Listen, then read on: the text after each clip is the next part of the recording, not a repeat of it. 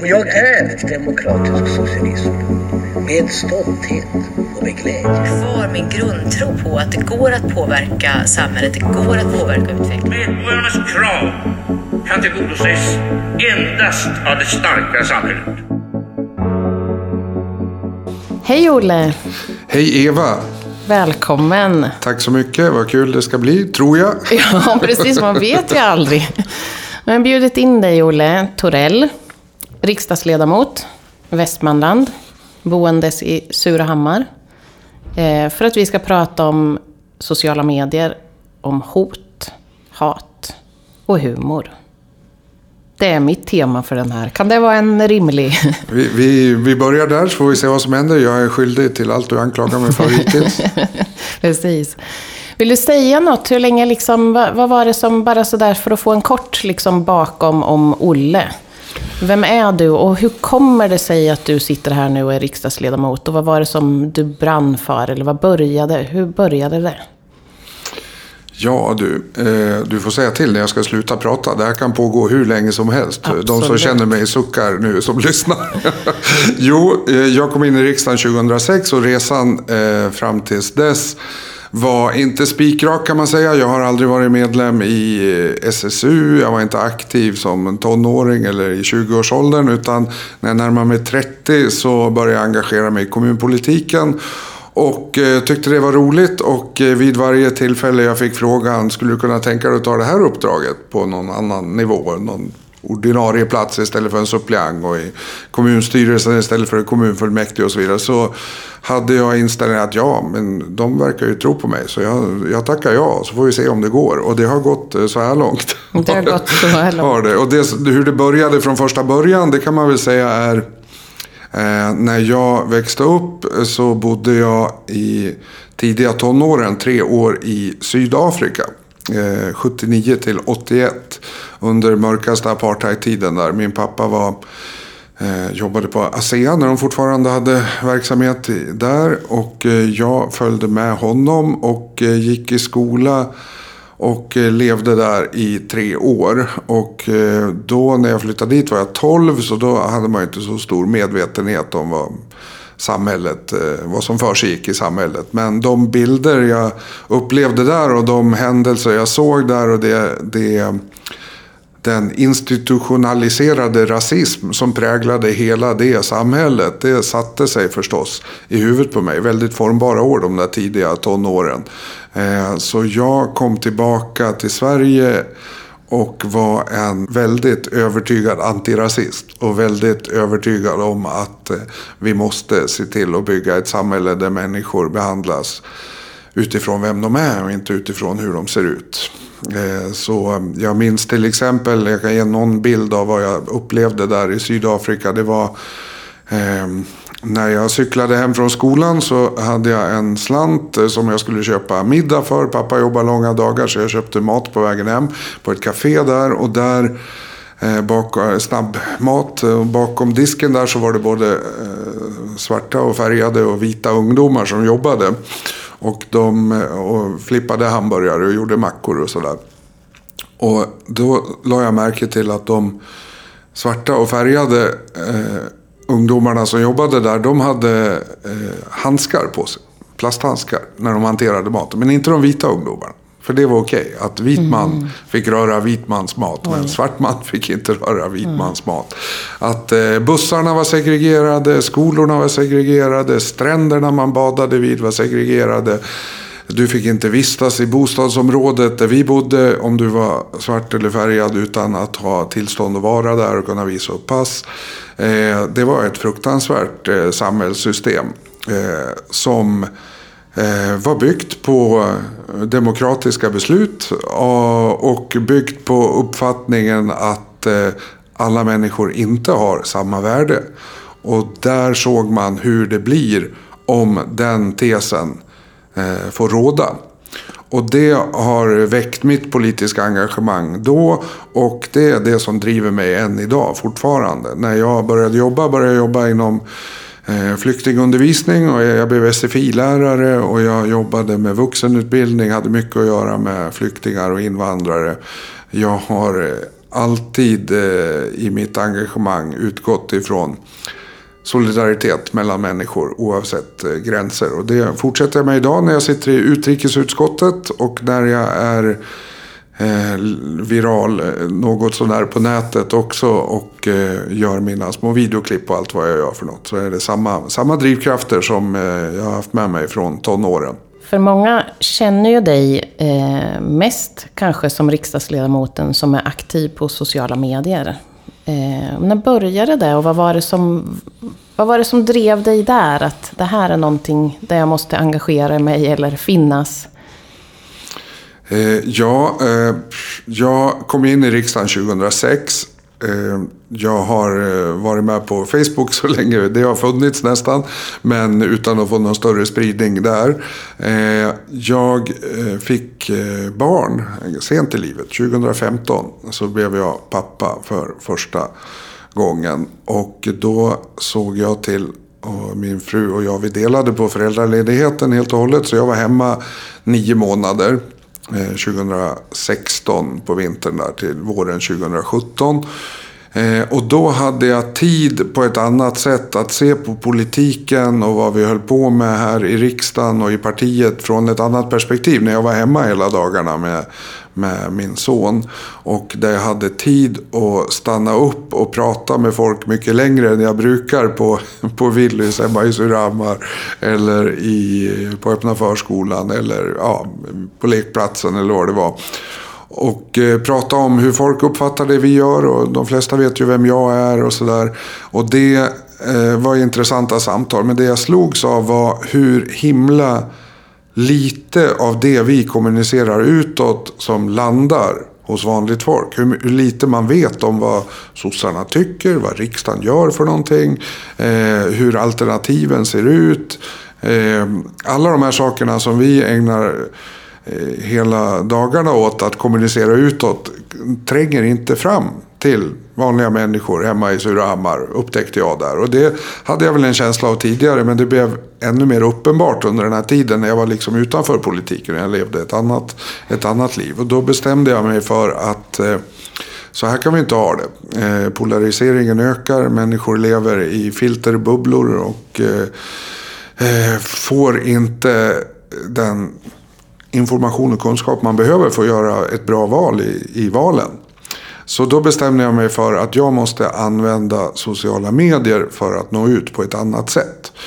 Och eh, då hade jag läst om att rörlig bild är det som växer på sociala medier och det ser vi ju fortfarande. att eh, Långa texter läser folk inte, debattartiklar eh, som man länkar läser folk inte i så hög grad. Men rörlig bild tittar man på korta slagfärdiga budskap i rörlig bild och gärna med text. Så att man kan titta utan ljud på. Eh, så jag började spela in små filmer. Eh, där jag i början berättade om vad vi gjorde i riksdagen och där vad vi tyckte om olika saker som var aktuella i folks medvetande. Och det där spred sig eh, mer och mer och jag lyckades få spridning på dem. Det var förstås en, eh, en resa också. I början var det mest eh, vänner och bekanta som tittade. Och jag hade kanske 800-900 vänner på Facebook som eh, tittade på det där. Några delade vidare. Men ju mer jag gjorde det här, och jag gjorde det varje dag. En om dagen gjorde jag. Och jag var envis och fortsatte. Och ju mer jag höll på, desto mera spridning fick det och desto vidare kretsar kom de. Och ju mer kontroversiella ämnen jag tog upp, eh, desto större spridning blev det också hos de som inte tycker som vi sossar tycker. Och jag eh, skyggar inte för, och gjorde inte då heller, att ta upp ämnen som är känsliga eller jobbiga eller svåra. Eh, som inte bara har med budgetutspel att göra utan som har med kultur och identitet och religion och, och värderingar att göra. Eh, och sånt som folk snackar om. Det som folk pratar om runt fikaborden och i kön till Willys i Surahammar. De samtalsämnena. Men det kanske inte alltid var i synk med det budskap som eh, Socialdemokraterna hade den veckan. Men det, jag står ju upp för våra värderingar. Men pratade om eh, aktuella frågor. Och det spreds och eh, nu har jag väl 25-30 000 följare och mina filmer har visats i ja, många miljoner visningar. Så jag har ju lyckats tränga ut eh, ur vår lilla eh, sossebubbla. Tror du att det här är det sättet som är att nå ut med politiken? För jag tänker att du är på någonting att inte människor vet vad som beslutas eller görs. Och vi pratar mycket nu om det här liksom fake news och hela så här. Vad beror det på och kan det här vara ett sätt att lösa det? Eller ser du någon problematik med liksom hur det funkar? För... Ja, det är ju ett jätte... Att hur, hur man bildar sig sin verklighetsbild, sin uppfattning om världen har ju ändrats radikalt mot när du och jag blev aktiva Eh, och växte upp. Men när jag växte upp på 70-80-talen då eh, så fanns eh, samma, folk tittade på samma tv-kanaler, eh, tyckte olika om det de såg förstås. Man kunde bli sosse eller moderat eller kommunist och några enstaka blev nazister till och med. Men man tog in samma intryck. Man såg samma tv-kanaler, man valde Aftonbladet eller Expressen. Man Eh, alla visste eh, när Stenmarks andra åk var på eftermiddagen. Alla följde samma underhållningsprogram på helgerna och så vidare. Vi hade gemensamma lägereldar som vi samlades runt och sen bildade vi oss en uppfattning om världen utifrån det och det fördes ett samtal runt de här lägereldarna.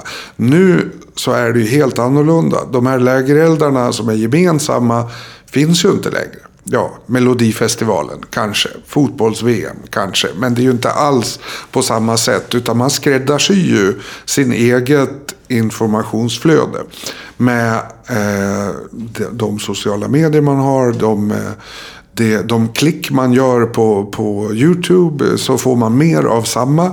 Eh, om du har klickat på saker som har med, med djur och natur att göra och du läser mest sådana artiklar så kommer du översköljas i ditt flöde om djur och natur och reklam om det och artiklar om det och nyheter om det. Och så är det ju med ideologier också.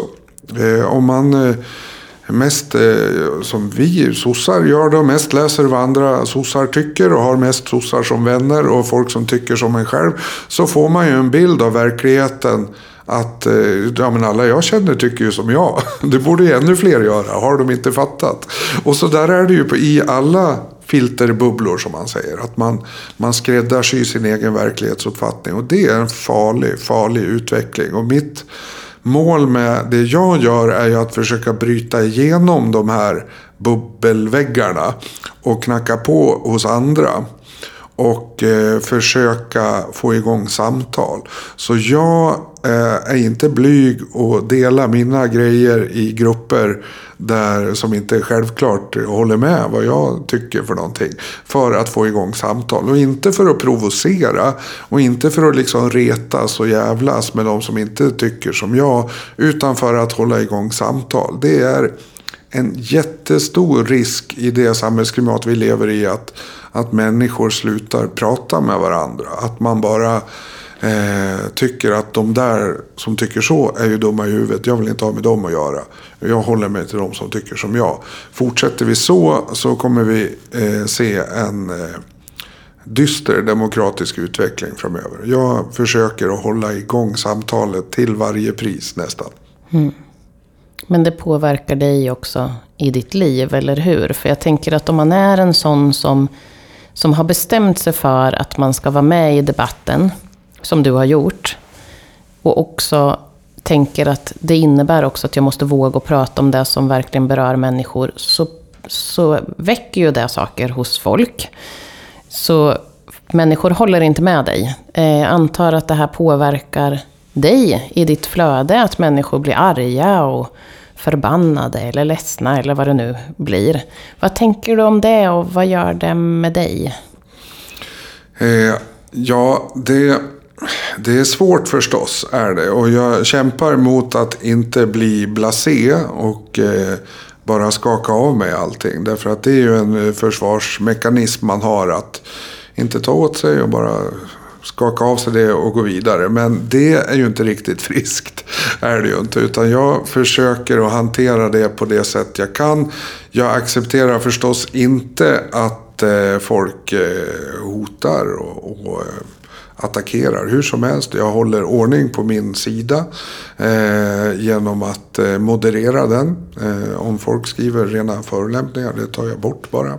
Jag blockerar människor som inte följer de regler som jag har på min sida. Det är ingen mänsklig rättighet att få skriva nedsättande tillmälen om politiker på deras sidor. Det, det är det inte. Och ibland får man höra, ja men det är yttrandefrihet i Sverige. Ja visst är det det, absolut. Men jag bestämmer över min sida. Det är min kanal, det är min plattform. Här ska alla kunna känna sig trygga. Här ska man kunna gå in och hålla med mig eller säga emot mig. Men man ska kunna känna att det här är en trygg miljö där man inte blir utsatt för attacker.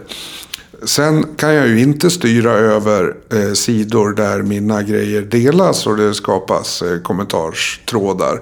Det kan ju inte jag styra över. Eh, och det är klart att det, eh, när mina klipp delas på sådana här hatsidor eller det är en artikel på Fria Tider som tar upp någonting jag har sagt så får ju det fötter och sprids i högerextrema och eh, ja, eh, hatiska sajter. Eh, och det spiller ju över på min sida också. Eh, jag polisanmäler alla hot. Ja, jag ser till att eh, bemöta det som går att bemöta. Men de som bara vill jävlas, de spärrar jag och blockerar. Mm.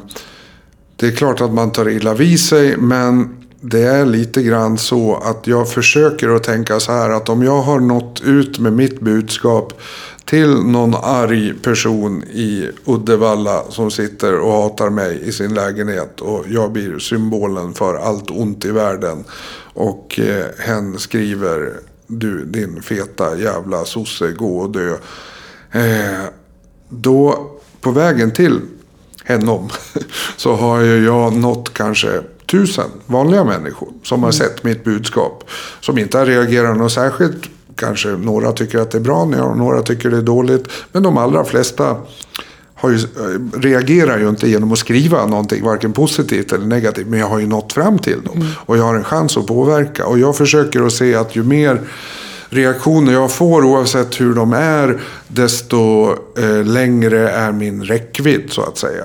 Mm. Och det, det vet jag ju. Sen måste ju jag Eh, jag gör ju ingenting bara för att provocera. Det är ju lätt att få väldigt mycket klick och visningar om man eh, bara provocerar. Och jag skulle ju kunna ha dubbelt så många följare om jag sprang på alla provocerande bollar jag skulle kunna springa på det. Utan jag säger vad jag tycker och står upp för de värderingar jag har och lägger mig i debatter som pågår.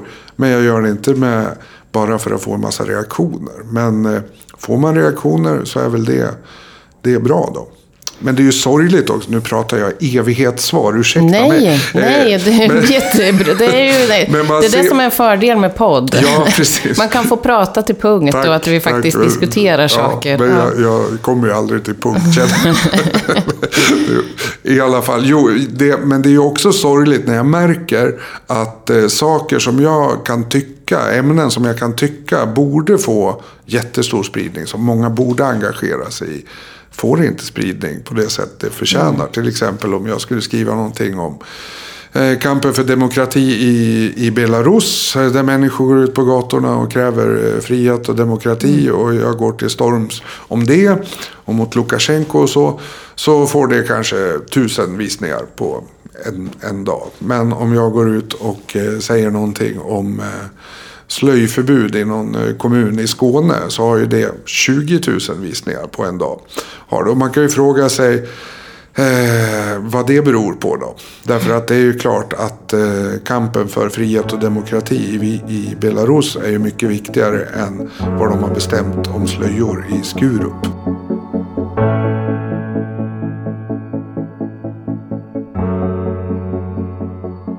Mitt mål när jag debattera någonting är ju inte att, att övertyga och frälsa de som tycker precis diametralt motsatt. Mm. Det det är ju inte mitt syfte med det här. Jag tror ju inte att jag kommer att liksom övertyga Björn Söder att han har haft fel hela tiden och nu ska han bli sosse. Det vore något i och för sig.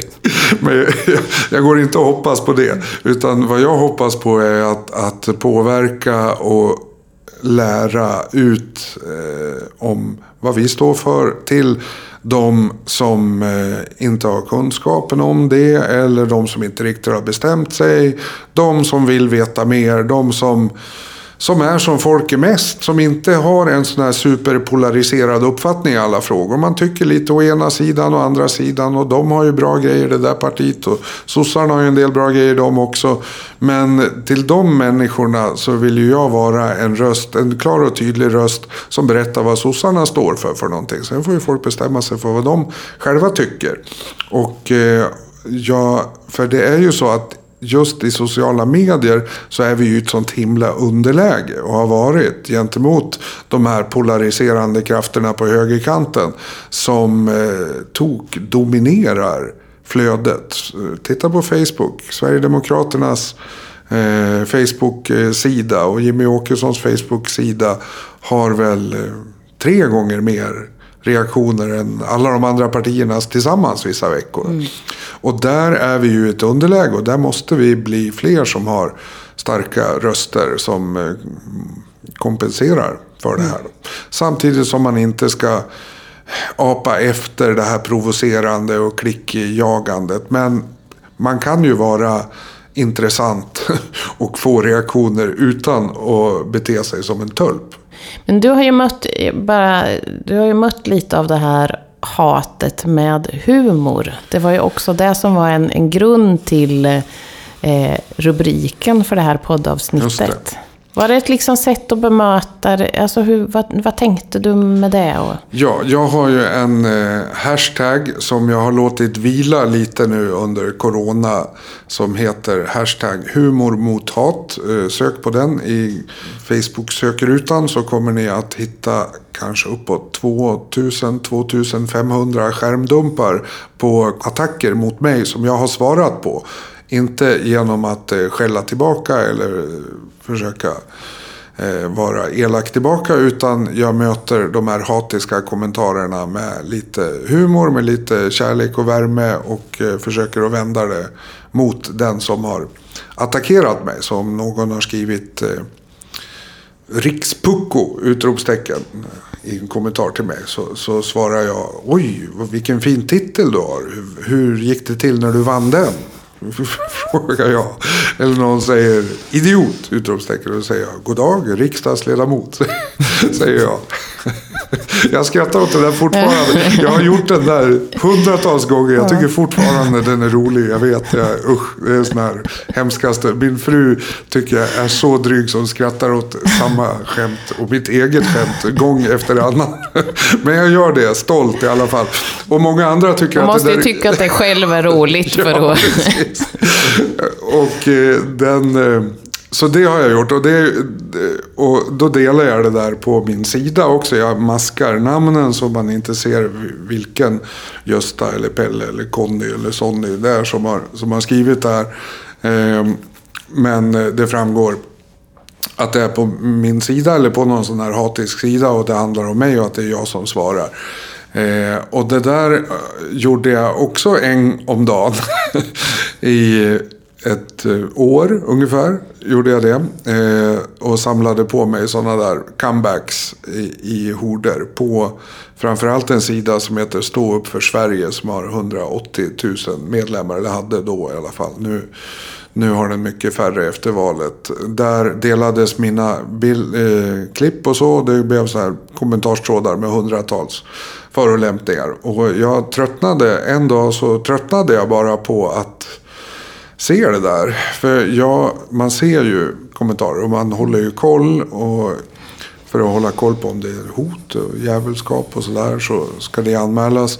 Men en vacker dag så tröttnade jag på eh, att bara ta skiten. Och tänkte att ja, men jag ska inte skrika tillbaka så då skojar jag tillbaka. Och det tyckte jag var kul. och några kompisar som såg det där tyckte också det var kul. Och jag tvekade länge. Ska jag lägga ut det här på min sida? Kan man göra så? Jag är ju riksdagsledamot. Jag kan väl inte hålla på och skoja med folk på det sättet. Men så gjorde jag det. Så la jag ut en sån där skärmdump. Och den, den är jättebra. Det, det, är min favorit av alla nästan. Den är så här, det var någon som skrev... Eh, eh, här kommer han igen. Propaganda mellanslag. Ministern. Och då skrev jag bara propagandaminister är ett ord. och då svarade personen. Eh, oh, eh, oh, du, du, en sak kan du i alla fall. Och så skrev han i alla fall i, i ett ord. Mm. Och då svarade jag i alla fall är tre ord. det var verkligen... så, så, ja, jättedrygt och jättejobbigt. Men eh, han hade det inte lätt den där stackars hatiska människan. Då. Och det där spreds. Och sen mm. gjorde, gjorde jag fler sådana där. Jag upptäckte att jag hade en talang för sådana här comebacks. Eh, och eh, de har spridits också. Och mm. de har ju spridits långt över mina över sossebubblan. Utan mm. det där är ju människor i hela samhället som har lagt märke till den där galna sossen som ger svar på tal. Eh, och det har varit befriande för mig. Folk undrar hur mm. orkar du bemöta alla de där? Är det inte jobbigt? Tar du inte illa vid dig? Men jag tar ju mer illa vid mig om, om det bara får stå där. Just det. Om det Så bara... det, är inte bara, det har inte bara varit att du får skratta lite. Mm. Utan också lite befriande eller få ut Ja, något. att jag har lite makt mm. Eh, själv mm. också mm. i det där. Sen är det förstås, ska jag inte spela ner det här hatiska. Därför att det är ju hemskt också. Det har ju varit eh, de som jag har svarat på under den här hashtaggen är ju ganska oskyldiga liksom, så här, förolämpningar och nedsättande tillmälen. Och det det är ju gräsligt förstås att det finns, men eh, är man en offentlig person så, och som eh, sprids mycket, då man väcker känslor. Det liksom, tycker jag lite grann ingår i uppdraget att folk blir arga på en. Det kan jag leva med. Eh, I och för sig inte kanske i den volym det har blivit. Men sen finns det ju de som går över gränsen som hotar mig och min familj och liksom mm. gör eh, mm Eh, men det är ju inte kul på något sätt. Det skojar jag ju inte om. Utan det, det anmäler jag ju till polisen och till Facebook. Och jag liksom tar det på största allvar. Så man, jag, det var också en, en eh, avvägning jag hade i det här. Att spelar jag ner det här nu? Mm. Blir det här bara på skoj allting? Men mm. det är det verkligen inte. Nej, men det funderar jag på när, du, när jag såg det där första gången. Liksom, mm. vad, vad händer med det? Är det så att man trivialiserar eller är det liksom ett sätt att lyfta? Eller liksom sådär? För, mm. det är ju, jag, för det är ändå intressant att liksom fundera över hur bemöter jag det själv? Mm. Och man måste väl också, tänker jag, ha den känslan som du har. Att du tycker att det är roligt och att det är befriande. För gör man inte det så är det inte ett bra sätt att bemöta det på. Då får man hitta ett annat sätt som passar ja. en själv. Så är det så är det. Och jag, jag menar, eh, för många så kan det ju vara bra att bara ignorera allt hat. Att inte gå in och läsa allt som skrivs mm. om en. Det kan ju vara en bra strategi mm. för många. Mm. Eh, så jag menar inte att jag har patent på någonting i det här. Det här sättet har funkat för mig. Eh, det, eh, ett syfte med det också är att att jag tror så här att om man kan skoja om någonting, om man kan mm. driva med någonting så kan man också orka med och bekämpa det. Ja. Det betyder inte att jag legitimerar hatet mm. utan jag vill ju visa upp det för mm. vad det är. Att det är fånigt, att det är mm. löjligt, att det är mm. barnsligt, att det är eh, antiintellektuellt dravel. Liksom. Mm. Och det kan man skoja med. Och jag vill också visa att de här trollen, det är klart att det finns eh, farliga typer också. Men de allra flesta är ju bara hatiska stackare. Mm. Som sitter och, vid ett tangentbord och hatar. Och jag tycker inte ser ju inte ner på dem, men jag tycker synd om dem. Vad har mm. hänt i deras liv för att de ska liksom ägna sina dagar åt, och man ser ju att det är återkommande människor som, som kommer ja, som gör det här mycket och hela tiden och har olika konton och sitter hela dagarna helt uppslukade av hat mot sossar. Och Olle Torell. Att det är liksom, då, och Fast då den- får du mer pe- personifiera det, tänker jag. Ja, jag gör ju det förstås. Jo, jag är ju bara en symbol för dem. Mm. Men, men jag tycker att det är tragiskt att Mm. människor har, har blivit så radikaliserade och indoktrinerade av det här hatet att de hamnar där. Och det är en stor anledning till varför jag inte hänger ut deras namn. För Mm. ibland tycker folk, ja men visa vilka det är så de får skämmas. Men det är inte intressant för mig att eh, hänga ut någon hatisk stackare. Eh, utan det jag vill avslöja är ju hatet och ignoransen och intoleransen och dumheten. Liksom. Det är det jag vill klä av.